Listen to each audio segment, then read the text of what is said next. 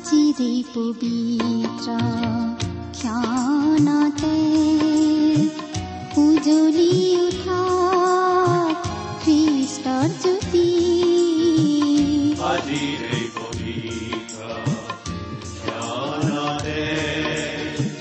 উজ্বলি উঠা খ্ৰীষ্টৰ জ্যোতি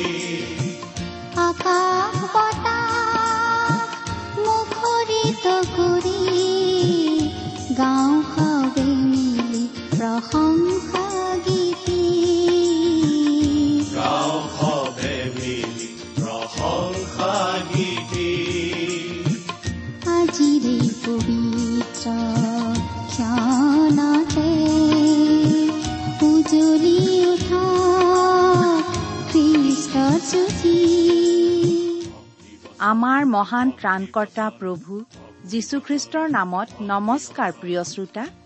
এয়া মুকলি কৰিবলৈ লৈছো বাইবেল অধ্যয়নৰ ধাৰাবাহিক অসমীয়া অনুষ্ঠান ভক্তি বচন। প্ৰতি মহান প্ৰণাম তোমাৰ গ্ৰহণ কৰাই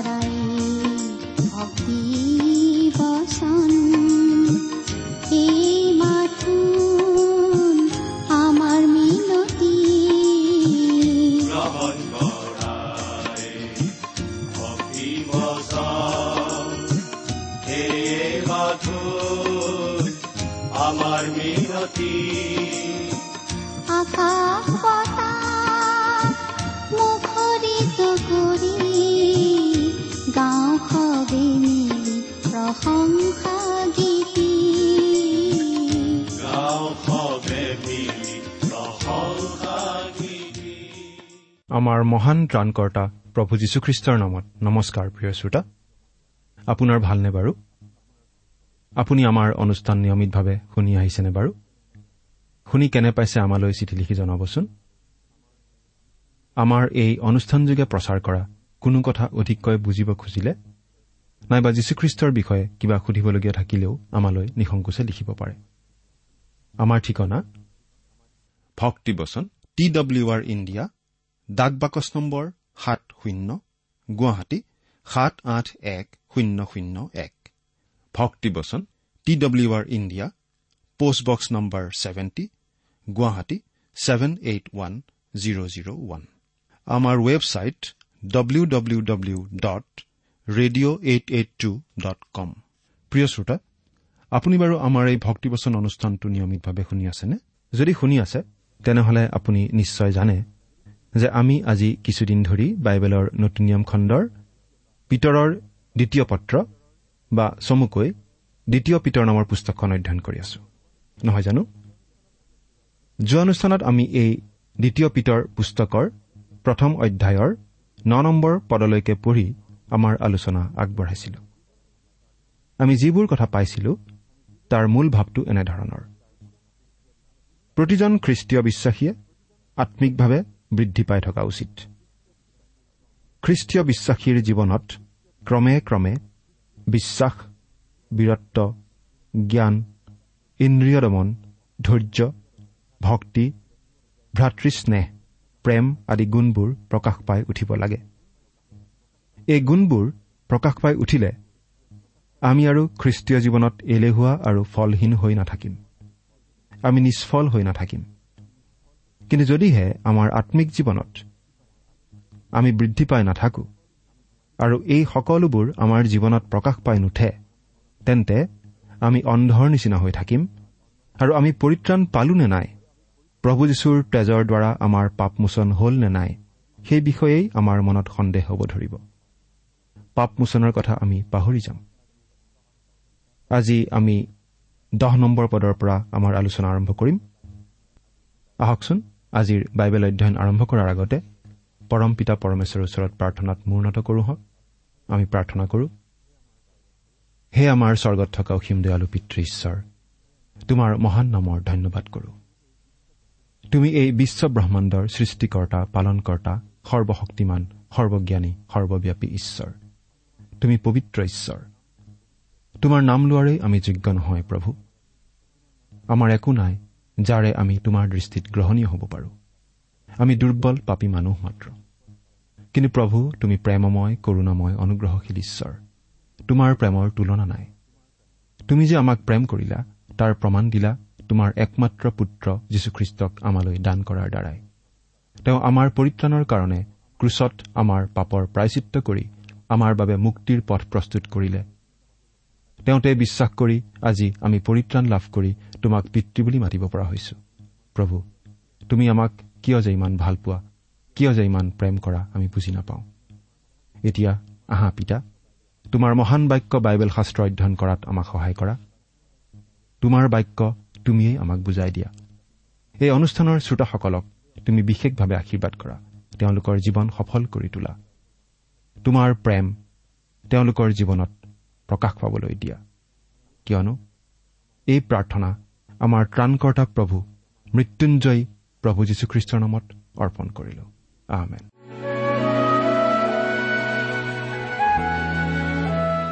প্ৰিয় শ্ৰোতা এতিয়া আমি দ্বিতীয় পিতৰ পুস্তকৰ এক নম্বৰ অধ্যায়ৰ দহ নম্বৰ পদৰ পৰা আমাৰ আলোচনা আৰম্ভ কৰিম। আপোনাৰ বাইবেলখন মেলি লৈছেনে বাৰু? বাইবেলৰ পৰা পাঠ কৰি দিম। অনুগ্ৰহ কৰি মন দি শুনিব। দ্বিতীয় পিতৰ প্ৰথম অধ্যায় দহ পদ। পাঠ কৰি দিছো। এতেকে হে ভাইবিলাক তোমালোকে নিজৰ আমন্ত্ৰণক আৰু মনোনীত হোৱাকে দৃঢ় কৰিবলৈ অধিক যত্ন কৰা। কিয়নো তাকে কৰিলে তোমালোক কেতিয়াও পতিত নহবা। এতেকে হে ভাইবিলাক তোমালোকে নিজৰ আমন্ত্ৰণক আৰু মনোনীত হোৱাকে দৃঢ় কৰিবলৈ অধিক যত্ন কৰা। পাচনি পিতৰে কৈছে প্ৰতিজন খ্ৰীষ্টীয় বিশ্বাসীয়ে নিজৰ আমন্ত্ৰণক আৰু ঈশ্বৰে যে বিশেষভাৱে মনোনীত কৰিলে সেই কথাটোক আৰু অধিক দৃঢ়ভাৱে জানিবলৈ আৰু উপলব্ধি কৰিবলৈ চেষ্টা কৰা উচিত। আমি নিজৰ চেষ্টাৰে পৰিত্ৰাণ লাভ কৰিব নোৱাৰো। আমি নিজে নিজক উদ্ধাৰ কৰিব নোৱাৰো। নিজে নিজৰ পাপমোচন কৰিব নোৱাৰো। আমি পৰিত্ৰাণ লাভ কৰো প্ৰভু যীশুত বিশ্বাস কৰি একমাত্ৰ ঈশ্বৰৰ অনুগ্ৰহতহে। প্ৰভু যীশুক গ্ৰহণ কৰি আমি যি পৰিত্ৰাণ লাভ কৰো সেই পৰিত্ৰাণ নিশ্চিত দৃঢ়। আন কোনেও লৰচৰ কৰিব নোৱাৰে। আন কোনেও আমাক প্ৰভু যীশুৰ হাতৰ পৰা কাঢ়ি নিবও নোৱাৰে। এই কথাটো আমি জানো। কিন্তু জনাৰ পিছতো আমাৰ মনত সন্দেহ উপজিব পাৰে। সেইকাৰণে আমাক কোৱা হৈছে এই কথাটো যাতে আমি দৃঢ়ভাৱে জানো। আমি যদি ঈশ্বৰৰ অবাধ্য হৈ জীৱন কটাওঁ যদি খ্ৰীষ্টীয় বিশ্বাসী হিচাপে আমি যেনেকুৱা হোৱা উচিত তেনেকুৱা জীৱন নকটাওঁ তেতিয়া আমাৰ মনত এই দৃঢ়তা এই নিশ্চয়তা নোহোৱা হ'ব পাৰে। প্ৰিয় শ্ৰোতা আপুনি হয়তো কেতিয়াবাই প্ৰভু যীশুক ত্ৰাণকৰ্তা বুলি গ্ৰহণ কৰি পৰিত্ৰাণ লাভ কৰিলে নতুন জন্ম লাভ কৰি ঈশ্বৰৰ সন্তান হ'ল। কিন্তু যদিহে আপুনি সম্পূৰ্ণ নিষ্ঠা আৰু সত্যতাৰে জীৱন ধাৰণ নকৰে তেতিয়া ৰাতি শোৱাপাতিত পৰি কেতিয়াবা নিশ্চয় আপুনি চিন্তা কৰিব। মই পৰিত্ৰাণ পালোনে? মই ঈশ্বৰৰ সন্তান হলোনে? আমাৰ পৰিত্ৰাণৰ বাবে কৰিবলগীয়া সকলোখিনি প্ৰভু যীশুখ্ৰীষ্টই ইতিমধ্যেই কৰি থৈ গ'ল। তাত আমি যোগ দিবলগীয়া একো নাই। কিন্তু আমাৰ খ্ৰীষ্টীয় জীৱন অৰ্থপূৰ্ণ কৰি ৰাখিবলৈ আমি যত্নপৰ হোৱা উচিত।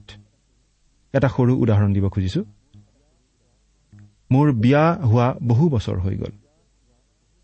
মই কেতিয়াও চিন্তা কৰিব লগা নহয় মোৰ সঁচাকৈয়ে বিয়া হ'লনে? এই বুলি। কিন্তু মোৰ বৈবাহিক জীৱনটো সফল কৰি তুলিবলৈ মই অনবৰতে চেষ্টা কৰি থকা উচিত। কাৰণ বৈবাহিক জীৱনত বহুতো কথা শিকিবলগীয়া থাকে। বহুতো ত্যাগ এৰা ধৰা কৰা আদি বিষয় থাকে নহয় জানো? এই কথাটো যিকোনো বিবাহিত মানুহেই স্বীকাৰ কৰিব। ঠিক একেদৰে আমাৰ খ্ৰীষ্টীয় জীৱনতো আমি আমাৰ আমন্ত্ৰণক আৰু মনোনীত হোৱাকে দৃঢ় কৰিবলৈ অধিক যত্ন কৰা উচিত। অৰ্থাৎ এই কথাটো এটা মাত্ৰ তত্ব বা কিতাপৰ কথা হৈ থাকিবলৈ নিদি আমাৰ জীৱনৰ বাস্তৱ অভিজ্ঞতা হ'বলৈ দিব লাগে। আমি অন্তৰত দৃঢ়ভাৱে অনুভৱ কৰিব পৰা হ'ব লাগে যে আমি খ্ৰীষ্টত বিশ্বাস কৰি পৰিত্ৰাণ পালো। পবিত্ৰ আত্মাৰ যোগেদি নতুন জন্ম লাভ কৰি ঈশ্বৰৰ সন্তান হলো। কিয়নো তাকে কৰিলে তোমালোক কেতিয়াও পতিত নহবা। আমাৰ অন্তৰত যেতিয়া পৰিত্ৰাণৰ দৃঢ় নিশ্চয়তা থাকে আমি যেতিয়া নিজকে ঈশ্বৰৰ সন্তান বুলি দৃঢ়ভাৱে জানো তেতিয়া আমি পাপৰ পথত যাবলৈ কেতিয়াও ইচ্ছা নকৰিম। কিন্তু এই নিশ্চয়তা নথকা মানে আমাৰ ভৰিৰ তলত কোনো ভেটি নথকাৰ নিচিনা কথা। গতিকে যিকোনো মুহূৰ্ততে আমি পতিত হোৱাৰ ভয় থাকে। গতিকে জয়যুক্ত খ্ৰীষ্টীয় জীৱন যাপন কৰাৰ উপায় কি? উপায় এইটোৱেই যে আমি আমাৰ পৰিত্ৰাণ সম্বন্ধে দৃঢ়ভাৱে নিশ্চিত হ'ব লাগে। খ্ৰীষ্টীয় বিশ্বাসী হিচাপে আমি ঈশ্বৰৰ সন্তান। এই কথা আমি সদায় মনত ৰাখিব লাগে। আমি ঈশ্বৰৰ সন্তান হলো বুলি মনত ৰাখিব লাগে। তেতিয়া জয়যুক্ত সফল খ্ৰীষ্টীয় জীৱন কটাবলৈ পবিত্ৰ আত্মা ঈশ্বৰেই আমাক সাহস ধৈৰ্য শক্তি জ্ঞান সকলো যোগাব। এতিয়া এঘাৰ নম্বৰ পদটো পঢ়ি দিছো। কাৰণ এইদৰে আমাৰ প্ৰভু আৰু ত্ৰাণকৰ্তা যীশুখ্ৰীষ্টৰ অনন্ত ৰাজ্যত সোমাবৰ উপায় বাহুল্যৰূপে তোমালোকক যোগোৱা হ'ব। ইয়াতে আমি এটা কথা উল্লেখ কৰি ল'ব খুজিছো।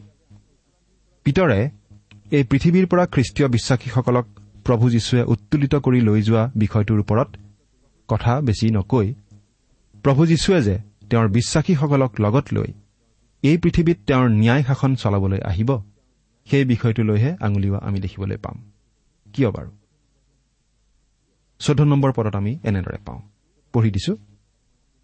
এই তম্বুত থাকো মানে তোমালোকক সোঁৱৰণ কৰাই চেতনা দিয়া মই উচিত জ্ঞান কৰো।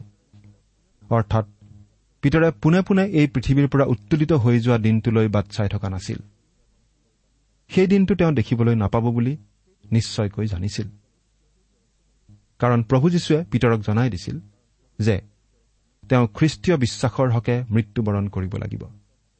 বিশ্বাসৰ শ্বহীদ হ'ব লাগিব। সেইবাবেই তেওঁ জানিছিল যে খুব সোনকালেই তেওঁ এই পাৰ্থিৱ তম্বু অৰ্থাৎ দেহ ত্যাগ কৰিব লাগিব। নিজৰ মৃত্যুৰ বিষয়ে এনে সুন্দৰ বৰ্ণনা তেওঁ দিব পাৰিছিল। পিতৰে জানিছিল যে খুব সোনকালেই তেওঁ নিজৰ পাৰ্থিৱ শৰীৰ ত্যাগ কৰি ঈশ্বৰৰ ওচৰলৈ যাবগৈ। সেইবাবেই তেওঁ প্ৰভু যীশুখ্ৰীষ্টৰ অনন্তকাল স্থায়ী ৰাজ্যৰ বিষয়ে কৈছিল। কাৰণ তেওঁ জানিছিল যে এই পৃথিৱীৰ পৰা খ্ৰীষ্টীয় বিশ্বাসীসকলক পোনে পোনে স্বৰ্গলৈ উত্তোলিত কৰা দিনটোলৈ তেওঁ জীয়াই নাথাকে। বাৰ নম্বৰ পদটো পঢ়ি দিছো।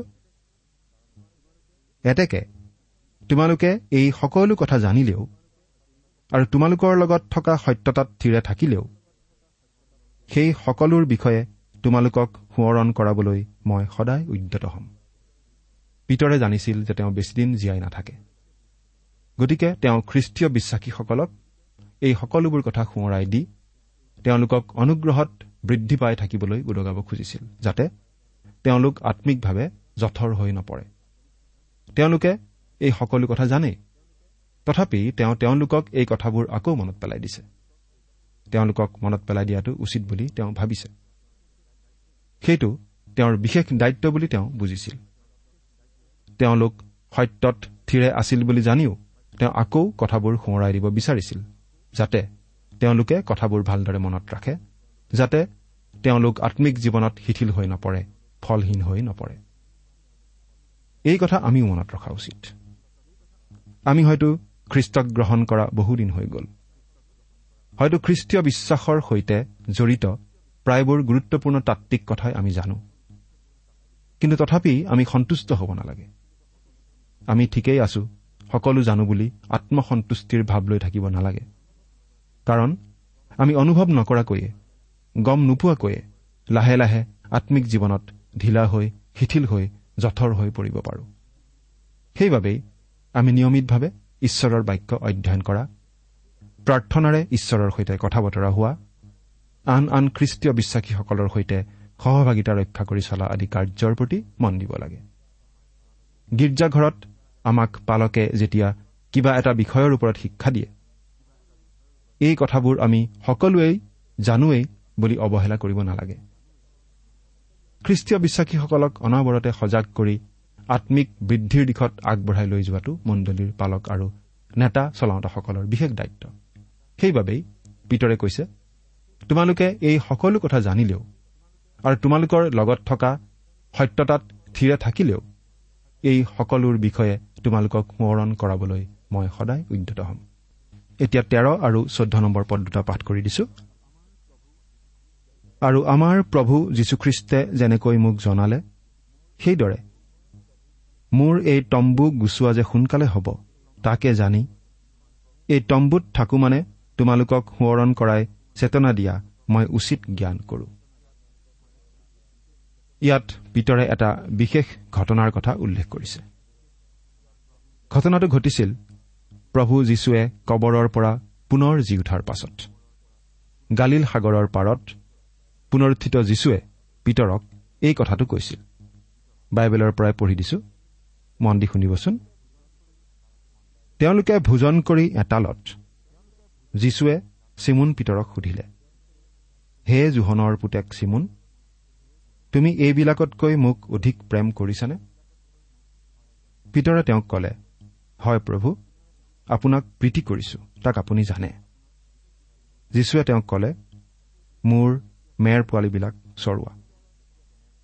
আকৌ দ্বিতীয়বাৰ তেওঁক সুধিলে হে জোহনৰ পুতেক চিমুন তুমি মোক প্ৰেম কৰিছানে? পিতৰে তেওঁক কলে হয় প্ৰভু আপোনাক প্ৰীতি কৰিছো। তাক আপুনি জানে। যীশুৱে তেওঁক কলে মোৰ মেৰবিলাক প্ৰতিপালন কৰা। পাছে তৃতীয়বাৰ তেওঁ সুধিলে হে জোহনৰ পুতেক চিমুন তুমি মোক প্ৰীতি কৰিছানে? তেতিয়া তেওঁ তৃতীয়বাৰত মোক প্ৰীতি কৰিছানে? এই বুলি সোধাত পিতৰে অসন্তোষ কৰি কলে হে প্ৰভু আপুনি সকলোকে জানে।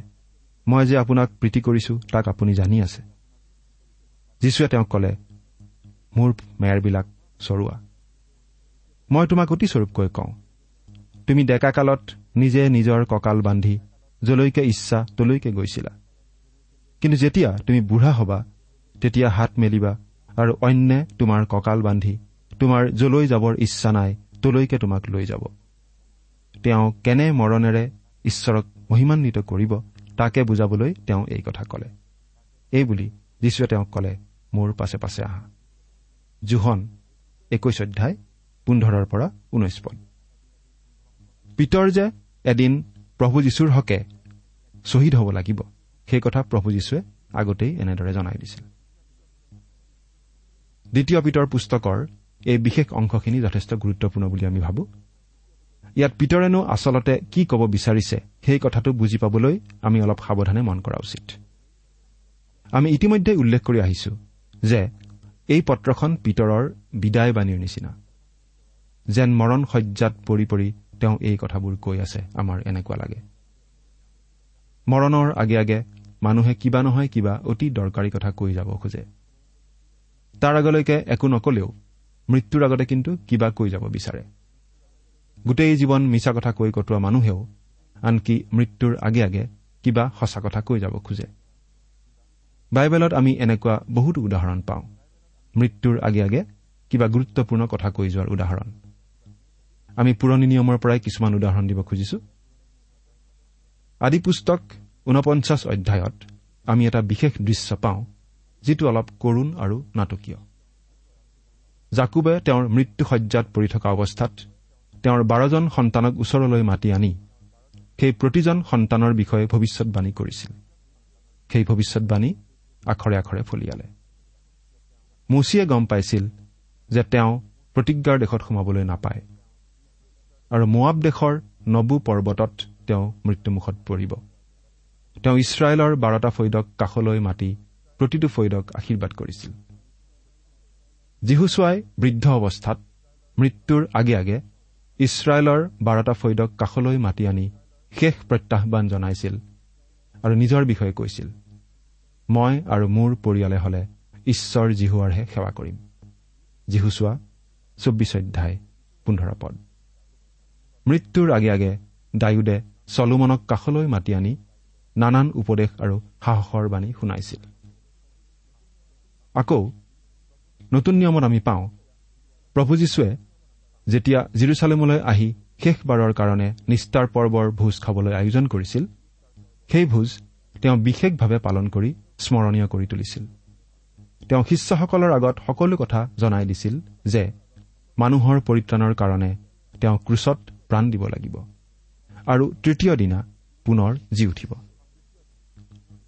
পাচনি পৌলেও তিমঠিয়ক বিদায়বাণী শুনাইছিল। সেই কথা আমি দ্বিতীয় তিমঠিয়ত পঢ়ি আহিছো। তেওঁ এনেদৰে লিখিছিল কিয়নো সম্প্ৰতি মই নৈবেদ্যৰূপে ঢলা হৈছো আৰু মোৰ প্ৰাণ নৌকা মেলিবৰ সময় উপস্থিত হৈছে। মই সেই উত্তম যুদ্ধত প্ৰাণপণ কৰিলো। নিৰূপিত পথৰ শেষলৈকে দৌৰিলো বিশ্বাস ৰাখিলো। এতিয়াৰ পৰাই মোৰ কাৰণে ধাৰ্মিকতাৰূপ কিৰিটি ৰাখি থোৱা হৈছে। ধাৰ্মিক বিচাৰকৰ্তা প্ৰভুৱে সেইদিনা তাক মোক দিব। কেৱল মোকে নহয় কিন্তু তেওঁৰ আৱিৰ্ভাৱক প্ৰেম কৰা সকলোকে দিব। দ্বিতীয় তিমঠীয় চাৰি অধ্যায় ছয়ৰ পৰা আঠ নম্বৰ পদ।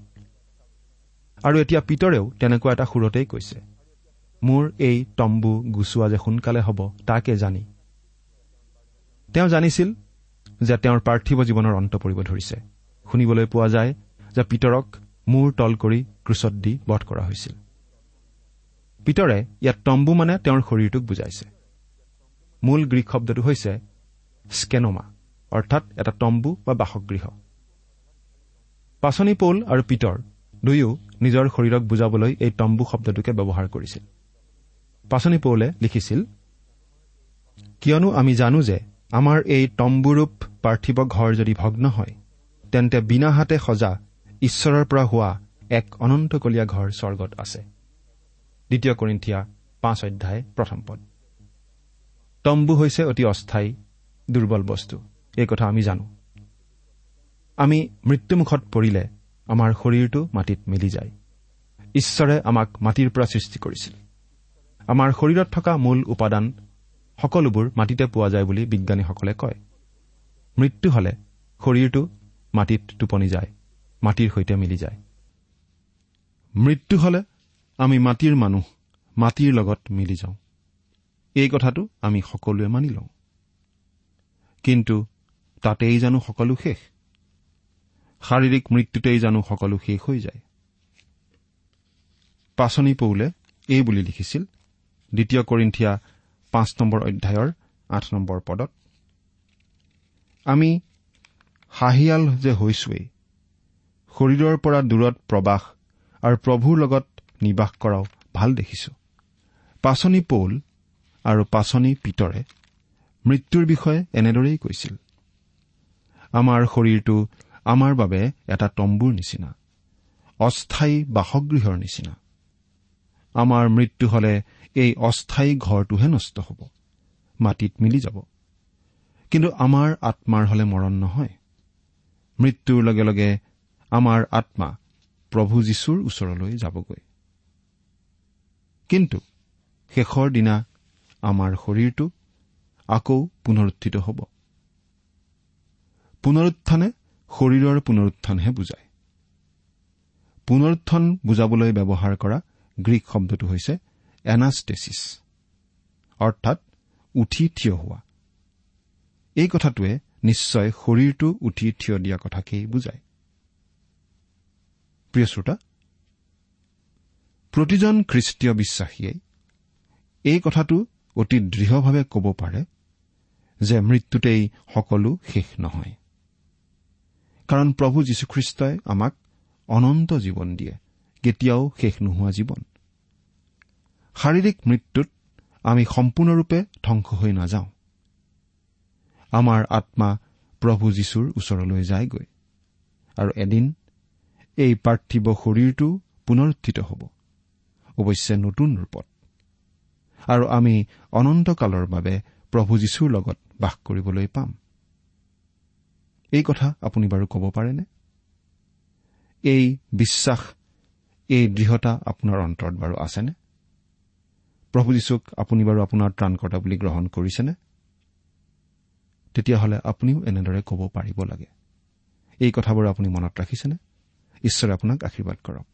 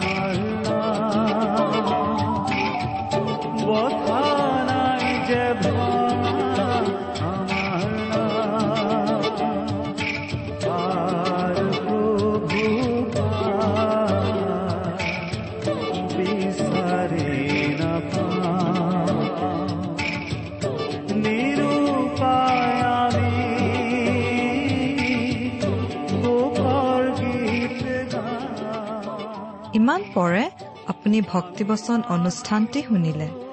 অনুষ্ঠানটি শুনি কেনে পালে আমালৈ চিঠি লিখি জনাবচোন? অনুষ্ঠানত প্ৰচাৰ কৰা কোনো কথা বুজিব লগা থাকিলেও আমালৈ লিখক। আমাৰ ঠিকনা ভক্তিবচন টি ডাব্লিউ আৰ ইণ্ডিয়া।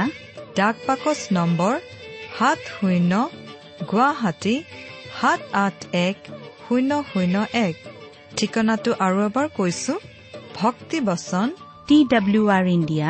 ডাক পাকচ নম্বৰ সাত শূন্য গুৱাহাটী সাত আঠ এক শূন্য শূন্য এক। আপুনি ইমেইল যোগেৰেও আমাৰ সৈতে যোগাযোগ কৰিব পাৰে।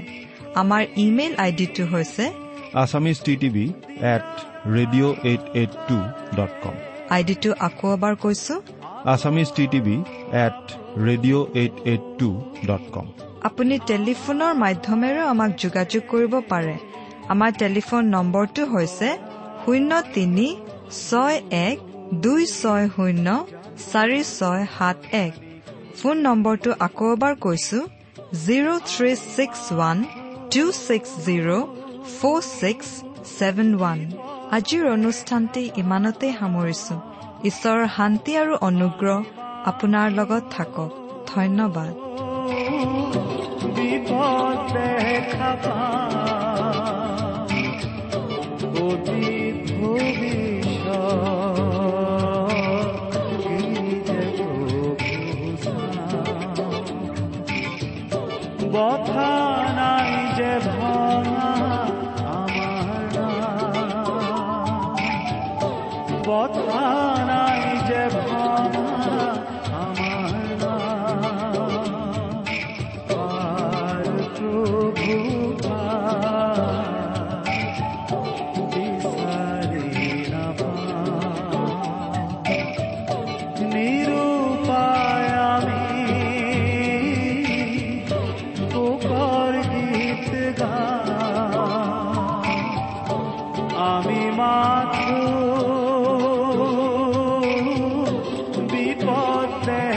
দেখা